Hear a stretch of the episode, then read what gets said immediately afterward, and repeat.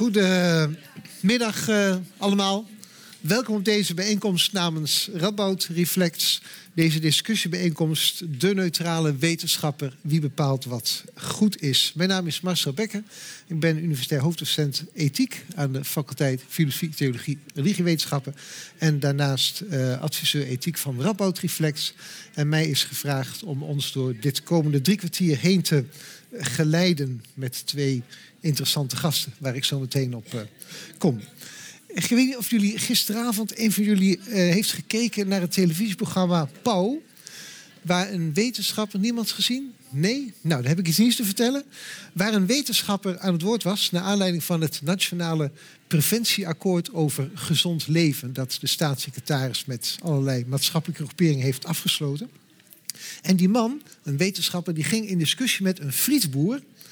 En die legde haar fijn uit dat als wij echt gezonder willen gaan leven en gezonder willen gaan eten, dan moeten we een aantal verleidingen van verkoop, goedkoop voedsel, die er overal zijn om de hoek in de kantine, hier al meteen om de hoek en weet, weet ik wel allemaal in de stad. Het aantal verleidingen van goedkoop ongezond voedsel, die moeten wij gewoon verminderen. Alleen dan pas kunnen wij tot gezonde eten komen. Dat was wetenschappelijk bewezen.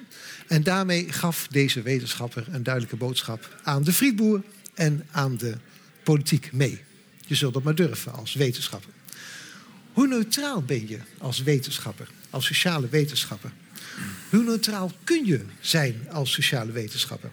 Daarover gaan we dus de komende drie kwartier met elkaar discussiëren. En de twee wetenschappers aan mijn zijde zijn aan mijn ene kant Natasja Notte. Welkom. U bent uh, sociologe en doet onderzoek naar ongelijkheid en ongelijkheidsoverdracht tussen generaties. Mooi woord is dat, ongelijkheidsoverdracht. En uh, aan de rechterkant uh, sociaal psycholoog Johan Karmans. welkom. U doet onderzoek naar factoren die succes en falen van interpersoonlijke relaties bepalen. Dat klopt. Zeker zo boeiend ook. u opent beide met een statement. En gaat dan daarover met elkaar in discussie en daarna met de zaal in discussie. Maar voordat ik de sprekers het woord geef, eigenlijk een vraag aan jullie. Uh, wie beschouwt zich als een neutrale wetenschapper? Niet allemaal tegelijk. Wie beschouwt zich niet als een neutrale wetenschapper? En wie wist het nog niet? Ja, oké, goed. Nou, dat is een duidelijk statement vanuit de zaal. Uh, des te benieuwder ben ik naar deze wetenschappers. Uh, dus het woord even eerst aan Johan Karmans met een statement van een vijftal minuten. Ja, nou, het, komt wel heel erg overeen met mijn statement. Uh, de, de, vingers die ik op zie steken. Ehm, dus ik kreeg eigenlijk de uitnodiging om uit te leggen waarom ik een neutrale wetenschapper ben. En nou ja, het antwoord is inderdaad van... Ik voel mezelf geen neutrale wetenschapper. Ehm, allereerst kun je afvragen wat is de definitie van een neutrale wetenschapper natuurlijk. En ik denk dat we het ehm, misschien wel over eens kunnen zijn... dat het heel erg te maken heeft met waardevrije wetenschap. Um, en in die zin, net als elke keuze die ik, die ik als mens maak... worden gestuurd door bepaalde waarden die ik aanhang. En ik denk dat het zo is dat een, dat een wetenschapper daarin niet anders is. Allerlei keuzes maakt op basis van bepaalde basiswaarden die, je, die je hebt. Um, is dat problematisch? Um, nou, daar, daar, zullen we het uh, zo meteen nog wel verder over hebben, denk ik. Um, dat ligt eraan op welk gebied die waarden een invloed hebben in de wetenschap die je bedrijft, denk ik. En je zou, zou een onderscheid kunnen maken tussen het kiezen van het soort onderzoeksvragen uh, waar je mee bezighoudt. Die worden gedreven door bepaalde waardes. En ik zie daar niet zo heel snel een probleem mee. Ik doe zelf eh, onderzoek naar, uh, naar relaties, naar sociale relaties. Ik doe ook onderzoek naar uh, mindfulness. Ik ben bovendien mindfulness trainer. daar kunnen we het zo ook nog wel even over hebben. Dan wordt het helemaal link natuurlijk, als je, dat, als je dat beide bent in de praktijk en als wetenschapper. Ehm, maar het zijn dingen die mij interesseren, die ik waardevol vind. En daarom ben ik heel erg geïnteresseerd in die effecten daarvan. Waar het wel heel kritisch kan worden, is op het moment dat er bepaalde, je bepaalde data uh, verzamelt en je laat leiden door bepaalde waarden die je hebt in de interpretatie van die data en het uh, wel of niet uh, publiceren van data die je die mogelijk niet bevallen. En um, een van de, een van de dingen wat ik heel erg interessant vind, uh, recent is natuurlijk heel erg de, open science uh, movement. Is het, nou, het is ontzettend in zwang met pre-registratie en alles. En dat is, dat is eigenlijk opgericht, of dat is tot stand gekomen om de, de wetenschap meer repliceerbaar te maken. Maar ik denk dat er een enorme mooie bijvangst daarvan is, is dat het ook de wetenschap mogelijk meer waardevrij kan maken. Dus um, als, je, als, je, als ik als wetenschapper uh, geïnteresseerd in mindfulness van tevoren alles netjes, ontzettend transparant ben over wat ik ga doen, wat mijn uitkomsten zijn, iedereen heeft daar inzicht in, dan uh, zorgt dat er in ieder geval voor dat ik niet gestuurd word in de waardes die ik aanhang om bepaalde zaken wel of niet naar buiten te brengen. En, uh, dus nou ja, ben ik een neutrale wetenschapper? Ik doe mijn best. Dat is, het, dat is het enige wat je, wat je kunt doen volgens mij als wetenschapper. Nou, dank ja. voor deze bescheidenheid, ja. uh, meneer Karmans. Ja. Fijn. Mevrouw Notte, uw statement. Ja. Nou, het zou saai zijn als we het eens zouden zijn. Dus uh, dat ben ik het dan ook niet. Uh, nou ja, deels wel hoor. Uh, maar mijn stelling is... in principe is iedere wetenschapper neutraal in zijn of haar onderzoek. ik zou mijn eigen vakgebied ondermijnen... als ik zou zeggen dat ik niet neutraal zou zijn. Dus dat kan ik ook niet zeggen. Ik zeg iedere wetenschap is neutraal. Ik ga straks ook mijn stelling wel een beetje ondermijnen misschien, maar dat ga ik dan uh, later doen. Um, uh, mijn naam is Natasja Notte, ik werk bij de vakgroep Sociologie um, en ik doe onderzoek naar ongelijkheid in onze samenleving. Dat zijn maatschappelijke vraagstukken en mijn onderzoek wordt ook gestuurd door wat er in de samenleving speelt. Tenminste, dat vind ik belangrijk, dus daar laat ik mijn onderzoek door sturen. Um, ik doe onderzoek naar uh, de overdracht van ongelijkheid. Dat wil zeggen van hè, wat gebeurt in gezinnen thuis, wat geven ouders en kinderen mee en wat uh, betekent dit voor deze kinderen in de rest van hun leven. Ik kijk specifiek naar geletterdheid, offline, online. En um, ik word vaak gevraagd om lezingen en workshops te geven als het gaat over laaggeletterdheid. Dus ja, ik doe fundamenteel onderzoek. Uh, maar daarnaast spreek ik ook regelmatig voor publiek. Um, en dat kan zijn als, uh, in expertmeetings, um, klankborden, um, bij ministeries, et cetera, over de resultaten van mijn onderzoek. Nou, de vraag is, kun je dat doen als neutrale onderzoeker? Kan, dat wel? Hè? Mag je dan wel zo je verhaal vertellen voor een breed publiek? Is dat eigenlijk wel oké? Um, ik vind van wel. Ik vind het heel belangrijk dat we als onderzoeker hè, hetgeen wat we vinden ook uh, naar buiten brengen. Ook voor uh, niet-wetenschappers. En wat ik natuurlijk altijd doe, en dat maakt mij neutraal in mijn onderzoek, is dat wat ik vertel zijn de, onder, de onderzoeksuitkomsten. Ik vertel wat mijn resultaten zijn. En um, ik ga niet zeggen wat per se wat mensen daarmee moeten doen. Ik kan beleidsaanbevelingen geven. Dat is ook wat onze studenten ook leren. Je hebt resultaten, onderzoeksresultaten. En wat voor een beleid uh, zou daar mogelijk bij passen om die ongelijkheid in onze samenleving te verkleinen? Want dat is wat we willen in Nederland. We zijn een meritocratische samenleving. We willen gelijke kansen. Dus we willen niet afgerekend worden op afkomst, maar op prestaties. Nou, dan willen we ook kijken hoe kunnen we dat dan. Hè, dat is nog steeds niet zo. Hoe kan dat dan wel? Nou, dat is waar ik mijn onderzoek aan bijdraagt. En dat vertel ik dan ook. En uh, wil niet zeggen dat altijd mijn resultaten van het onderzoek ook gebruikt worden um, zoals ik het graag zou zien. Um, maar dat is dan niet meer mijn verantwoordelijkheid. Soms wordt het ook gebruikt door partijen waarvan ik denk van nou, had ook anders gekund. Maar het is wel, hè, uh, mijn verhaal is, gaat over de, de uitkomsten. Um, um, even denken hoor. Um, verder denk ik, uh, wat het ook uh, neutraal maakt, is he, door dicht bij je resultaten te blijven, vertel je gewoon expliciet wat je vindt. En op die manier kan je wel blootleggen waar eventueel beleid op zou kunnen anticiperen. Waar de ongelijkheden mogelijk zitten en hoe die verminderd zouden kunnen worden. Nou, um, nou zal ik natuurlijk ook best wel een tegenargument kunnen bedenken voor waarom ben ik dan misschien dan toch geen neutrale wetenschapper. Um, nou, wat natuurlijk ook meespeelt, dat vertel ik ook altijd in, uh, als ik vertel over mijn onderzoek, is dat wij worden gevormd door onze omgeving. En dat geldt natuurlijk ook voor mij als onderzoeker. Ook ik loop in mijn onderzoek tegen mijn opvoeding aan, van wat ik meegekregen heb van thuis. En dat bepaalt ook uh, soms de vragen die ik stel. Uh, niet de manier waarop ik onderzoek doe, want dat blijft neutraal, vind ik. Dat is de neutrale wetenschap waar je net ook over had. Hè? Dat, dat blijft neutraal. Maar het kan wel zorgen dat ik soms vragen stel die misschien op dat moment helemaal niet passen bij wat ik op wil lossen. Of misschien hè, vanuit een andere referentiekader zijn. Als, om een voorbeeld te geven. Ik uh, spreek met laaggeletterde ouders. En soms stel ik vragen die zie ik, er komen helemaal niet aan. Omdat ik vanuit een heel ander referentiekader kom. Een heel andere achtergrond en gezin. En deze vraag sluit er gewoon niet bij aan. Dus dat is dan niet neutraal. Niet neutraal kan dan misschien uh, zijn hè, dat ik door mijn eigen uh, socialisatie en opvoeding uh, misschien niet direct bij de kern van het probleem kom. Um, maar uiteindelijk zal ik nog altijd neutraal zijn, want op de een of andere manier kom ik uiteindelijk daar wel terecht, zeg maar. Het kan misschien iets langer duren voordat ik de juiste vragen stel. Maar omdat ik me er als wetenschapper ook van bewust ben dat ik deze bias heb, zeg maar, um, geloof ik nog steeds dat ik als neutrale onderzoeker te werk kan gaan. Nou, bedankt.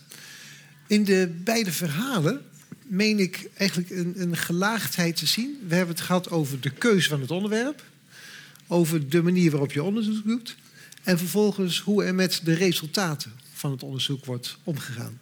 Zullen we die driedeling even aanhouden voor een kort vraaggesprek? Mm -hmm. Laten we dan beginnen bij de eerste fase, de keuze van je onderwerp. Daarvan zei Johan, uh, ja, daarin ben ik niet neutraal. Dat, onvermijdelijk ja. spelen daar met mijn eigen voorkeur en achtergronden. Ja. En ja. daar was ja, wat terughoudender in. Daar wilde je meer in de richting van de neutraliteit. Uh, waardoor word je, weet je waardoor je beïnvloed wordt? Als je nou toegeeft dat je beïnvloed wordt en niet neutraal wordt, waardoor word je beïnvloed? Nou ja, dat, uh, dat, wat Natasja zegt, dat, dat heeft te maken met, uh, met achtergrond, met opvoeding, met bepaalde waarden die je hebt meegekregen. Uh, ja, hoe mijn brein in, in elkaar zit. Exact weet ik het niet. Ik weet wel dat er bepaalde onderwerpen zijn die mij ontzettend interesseren. Wat ik, wat ik direct een hele interessante onderzoeksvraag vind.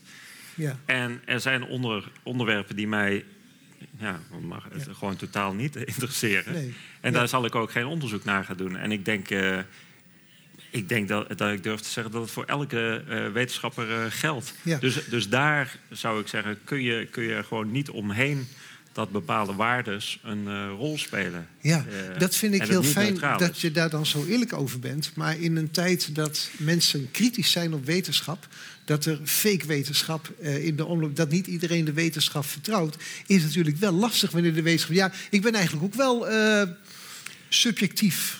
Uh, persoonlijk, ja, willekeurig ja, in wat ja. ik Dat is een beetje een ongemakkelijk statement. Nou, nou dat is, ik denk niet dat dat een ongemakkelijk standpunt is, omdat het, dit gaat over mijn, uh, uh, mijn individuele waarden en neutrale vrije vorm, of nou, niet neutrale vrije wet, wetenschapper.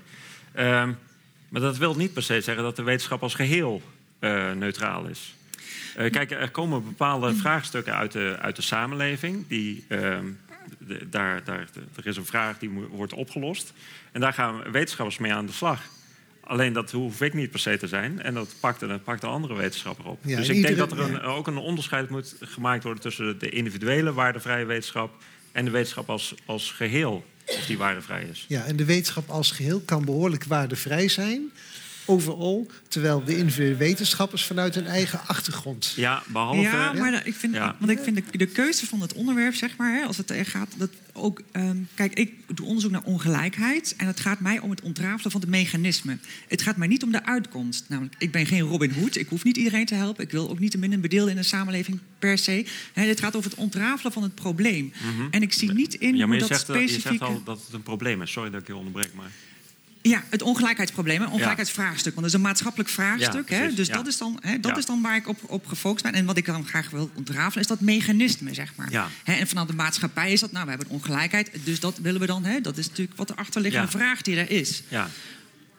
Um, maar als je zegt, het gaat echt over waarden die dat sturen, zeg maar, dat, dat zie ik niet zo heel Nou ja, ik denk het, het feit dat jij het al een probleem noemt. En ik kunt noem het niet een probleem. Nee, maar je kunt beamen dat het probleem is. En het is een maatschappelijk en je, probleem. En je, ja. Ja. Maar dan zijn er toch bepaalde een maatschappelijke waardeconstellatie is in het spel. Op Zeker, grond maar- waarvan het dan als problematisch wordt ervaren. We hebben een, een samen, in onze samenleving eh, onderschrijven wij een meritocratie. We willen graag hè, dat Ja. iedereen die gelijke kansen heeft. Ja. En het probleem is dat dat dus niet het geval is. Ja. Hè, dus dat Ja. is. eh, eh, Ja, ja oké. Dus er liggen bepaalde keuzes, achtergronden ten grondslag aan de keuze van het onderzoek. En daar ben je zelf niet helemaal neutraal en objectief Ja, in. ja, ja. Daar gaan we even kijken naar Ja. hoe die keuzes doorwerken in het onderzoek. Even naar mijn linkerbuurvrouw. Stel je voor, het blijkt dat ongelijkheid ontzettend positieve effecten heeft. in het loop van het onderzoek, wat zo mooi, neutraal, objectief wordt gedaan, eh, dan moet u dat eigenlijk tegen de maatschappelijke waarden in eh ongegeneerd presenteren. Ja. dat is makkelijker gezegd dan gedaan. Of is dat heel makkelijk? Ehm, ik, nou ja, het, zal voor mij niet, het, ma het maakt voor mij niet uit. Ehm, in die zin, eh, kijk, ik kijk naar het ongelijkheidsvraagstuk. Hè? Eh, Ja. En of je dan een probleem hebt, het is een vraagstuk, het is een ongelijk in onze samenleving. En ik wil het mechanisme achterhalen. En als daaruit komt dat eigenlijk bepaalde trein wel heel goed is dat er ongelijkheid is, dan is dat de uitkomst. Ja, want het is niet uw persoonlijke Het is waarde niet van ongelijkheid moet nee, opgegeven nee, worden, maar een maatschappij nee. dat vindt. Ja. En dan zegt u, beste maatschappij, u kunt dat vinden, maar ik als wetenschapper heb ontdekt dat het echt anders in elkaar zit. En Dat sommige, ook goed, hè, ja. dat het sommige dingen, hè, sommige processen of sommige, op sommige treinen het echt wel heel goed is dat die ongelijkheid daar is. Ja, Ja. dat zou daaruit kunnen komen. Ja, Dan ga ik niet zeggen dat dat niet zo is. Nee, dat is gewoon de uitkomst van mijn onderzoek. En, eh, Bent u het wel eens tegengekomen dat er in het onderzoek zich zo keurig objectief uit de data dingen kwamen waarvan je dacht van, oh, maar mijn eigen persoonlijke voorkeur en mijn eigen. Ja. Vertel eens. Nou, ik, eh, een, eh, heel recent eh, voorbeeld. We hebben een grote studie gedaan naar de ehm, interpersoonlijke effect van, eh, van mindfulness. de interventie gedaan. En wat we vinden, net als in, in veel ander onderzoek... op het moment dat mensen een mindfulness-interventie doen... dan worden ze... eh, nou ja, dan de, wat, rapporteren ze wat meer positief effect, wat sterkere band met, met relaties, et cetera. Allerlei positieve uitkomsten. Alleen we hebben een actieve controlegroep in dit eh, onderzoek gedaan, waar het eh, heel erg aan ontbreekt in, de- in deze hele literatuur. En daar vinden we exact hetzelfde. Dus ja, eh, dat, eh, ja, dat is niet een uitkomst waar ik naar op zoek was. Ik bedoel, mijn hypothese was. eh, mindfulness heeft, heeft meer. Ja, eh, en u bent effecten. mindfulness coach. ja. En ik Dus ben dan ga je mindfulness met je- Nee, nee daar, daar ga je niet. Want dit is een volledig... Dat, dat zei ik net in het begin. Dit is een volledig gepreregistreerde studie. Ehm, iedereen kan die data zien. En ik ga dit... nou, we zijn bezig met een paper hierover te schrijven. En, en dit zijn de, zijn de uitkomsten. Wil niet zeggen dat het eh, vraagstuk nou opgelost is. Eh, maar dit is gewoon een, een, een stukje van de puzzel... Ja. Ehm, ja, ik, ik, ik wil ook niet zeggen van die ik liever niet gezien had. Ik, ik moet eerlijk zeggen, kijk, ik had het hartstikke mooi gevonden als we, als we een effect hadden gezien, eh, sterker dan in de controleconditie. Maar dat vonden we niet. En dan is dit ehm, ja, deel van mijn onderzoeksvraag en dan wordt een klein stukje wordt beantwoord. Ja, Ja. ja. Ja. Ja, dat is. Ja, dat herken ik, hoor. Ja, zeker. Maar er is Ja. wel even toch even, er is een nog een klein verschil tussen dat je zegt dit gaat in tegen mijn onderzoeksvraag en mijn onderzoekshypothese, maar dit gaat ook in tegen mijn engagement als mindfulness coach. Nu moet je dan je coachingsactiviteiten gaan opgeven wanneer uit heel veel van dit Ja. soort onderzoeken, dit Ja. soort dingen. Nou, dat is een eh, spagaat waar ik eh, vaak eh, me in bevind, moet ik eerlijk zeggen.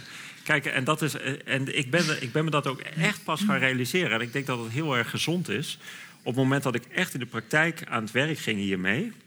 En zie ik, ervaar ik net als, als andere coaches van god, eh, die deelnemers die zijn allemaal heel erg positief over, over het effect van deze training. Ehm, maar mijn, mijn onderzoek laat dat niet per se zien. Want die laten Ja. wel positieve effecten zien, maar niet Ja. specifiek voor deze training. Ja. En dat, dat brengt mij in een, eh, in een, in een spagaat van. Nou, ja, met- ja. Ja. ja. Ja. Kijken of we die spagaat nog wat ongemakkelijker kunnen maken. Nu we naar de derde fase gaan. De fase van het communiceren van de onderzoeksresultaten naar die grote buitenwereld. Ja, Die ja, erop zit te ja. wachten. Ja. We hebben het net al over Ja. gehad. Ja. Van ja, soms dan komt er wel eens. Heb je wel eens een, echt een boodschap gehad die ongemakkelijk was voor een groep? Voor de samenleving? Ehm, nou, dat sluit een beetje aan wat eh eh, Johan net vertelde. Soms heb je gewoon resultaten uit een onderzoek. En toen heb ik een, werk ik samen met externe partijen. En dan heb je resultaten van je eigen. denk van ja, dat is misschien niet helemaal wat eh, de externe partij graag had gehoord. Dus, dus dat komen dingen uit. Waar, soms is, blijkt bijvoorbeeld een bepaalde methode als het gaat over leesbevordering niet zo effectief is als men had gehoopt dat het zou zijn. Dus dat kan eruit komen. Of ehm, dat ik moet vertellen dat ja, we willen graag dat iedereen een leesbevordering doet voor de kinderen. Om, om, om meer, voor, voor de ontwikkeling is dat heel goed. Maar voor sommige groepen werkt dat toch echt niet helemaal zoals we hadden bedacht. En moet er toch iets extra's gebeuren. Dat is wat er dan uiteindelijk uitkomt. Hè? Want voor een bepaalde groep werkt het niet. En dan ga je als wetenschapper verder kijken. Dat is natuurlijk de puzzel die, die wij interessant vinden. Ja, maar wat speelt daar dan wel? Hè? Dus dan Ja. ga je verder kijken. Maar soms heb je gewoon dat je ja, resultaten hebt die misschien niet helemaal onderschrijven wat de opdrachtgever of het publiek graag wil horen. Ehm, maar ja, dat is toch de boodschap die ik Ja. meegeef. Maar het is wel leuk om dan de discussie aan te gaan. Want dat vind ik altijd wel een les van. Hè, als dat niet zo is, wat, wat men verwacht, hè, dan is het dus verder kijk je van wat speelt daar dan wel, zeg maar. Ja. Dat vind ik altijd wel heel mooi. Ja, en dat is dan wetenschappelijke interesse en wetenschappelijke ruggengraat gaan dan hand in hand in de gesprekken met de opdrachtgever. Ja. En soms kan het wel spannend zijn hoor. Soms kan het echt wel spannend zijn. Dat vind ik nou heel mooi klinken. Maar daarnet zei u ook iets wat ik een beetje te gemakkelijk vond. Want u zei, nou ja, ik presenteer de resultaten van mijn onderzoek. Ja. En dat doet u dus zo ruggengraatachtig en zo schrander mogelijk. Ja. Maar dan is het verder ook aan de actoren wat ze daarmee doen. Eh, ik kan me voorstellen dat je wat proactiever bent in het naar de samenleving toegaan. Van dit Ja. zou dan een goede doorwerking van mijn resultaten Zeker. kunnen Ja. zijn. Dus Dat dumpt u het gewoon nou neer? Of wat doet, kunt u een voorbeeld geven van die proactiviteit? Ehm, nou, zoals eh, ik ben van de week in Rotterdam geweest en daar zat ook een wethouder in mijn product. Het was echt een netwerkbijeenkomst en ik presenteer mijn onderzoek. En die net, eh, wethouder net een praatje verteld over de plannen die zij hadden. Dan kan ik echt zeggen, oké, dit komt uit mijn onderzoek. Heel belangrijk is de rol van ambassadeurs, intermediairs. En hij had net een verhaal verteld waar, dat zij eh, idee hebben om persoonlijke coaches voor laagzetten te, eh, te- ondersteunen. Dus dan kan ik echt zeggen, kijk, dit sluit daar heel goed bij aan. Dus dat licht ik ook echt toe van, oké, dit, dit past heel goed bij elkaar. Dus ik zal ook echt wel toelichten. Maar dat vind ik ook belangrijk. Kijk, om mijn resultaten toegankelijk te maken voor een breed publiek, moet ik, vind ik het ook leuk om de link te maken van, oké, dit vind ik en dat zou heel goed hierbij passen of mogelijk daarbij passen. Ja. Ik zal nooit zeggen, en dat is de enige reden waarom ik wel eens teksten corrigeer, dat ik zeg dat iets moet, zeg maar. Dat zal ik nooit zeggen. Nee. Ik zeg alleen, dit zijn mogelijkheden Ja. en hier kun je bij Ja, aansluiten. nee, dat Ja. doen ethici wel, zeggen Dingen moeten. Dat Ja. zijn andere. Ja. Eh, nog, nog even. eh, en, eh, nee, goed, dan gaan we even naar meneer Kouwmans toe. Eh, hoe, hoe actief bent u in het de samenleving ervan overtuigen dat u hele goede dingen te melden hebt? Dat, dat doe ik op het moment dat ik, eh, dat ik echt overtuigd van, van, mijn, van mijn eigen resultaten ben. Ik, nou ja, om een, een voorbeeld te noemen, ik ben laatst in Colombia geweest. Daar heb ik een lezing gegeven over vergeving en verzoening. En dat ging over een eh, lezingenreeks in het eh, vredesproces in eh, Colombia. En dat vond ik fantastisch om te doen. En daar sta ik ook echt met, met volle overtuiging te vertellen over het onderzoek wat ik, eh, wat ik daarna heb eh, gedaan. Ehm, maar ik ben ook heel voorzichtig wanneer het, nou, terug te komen op eh, het mindfulness-onderzoek.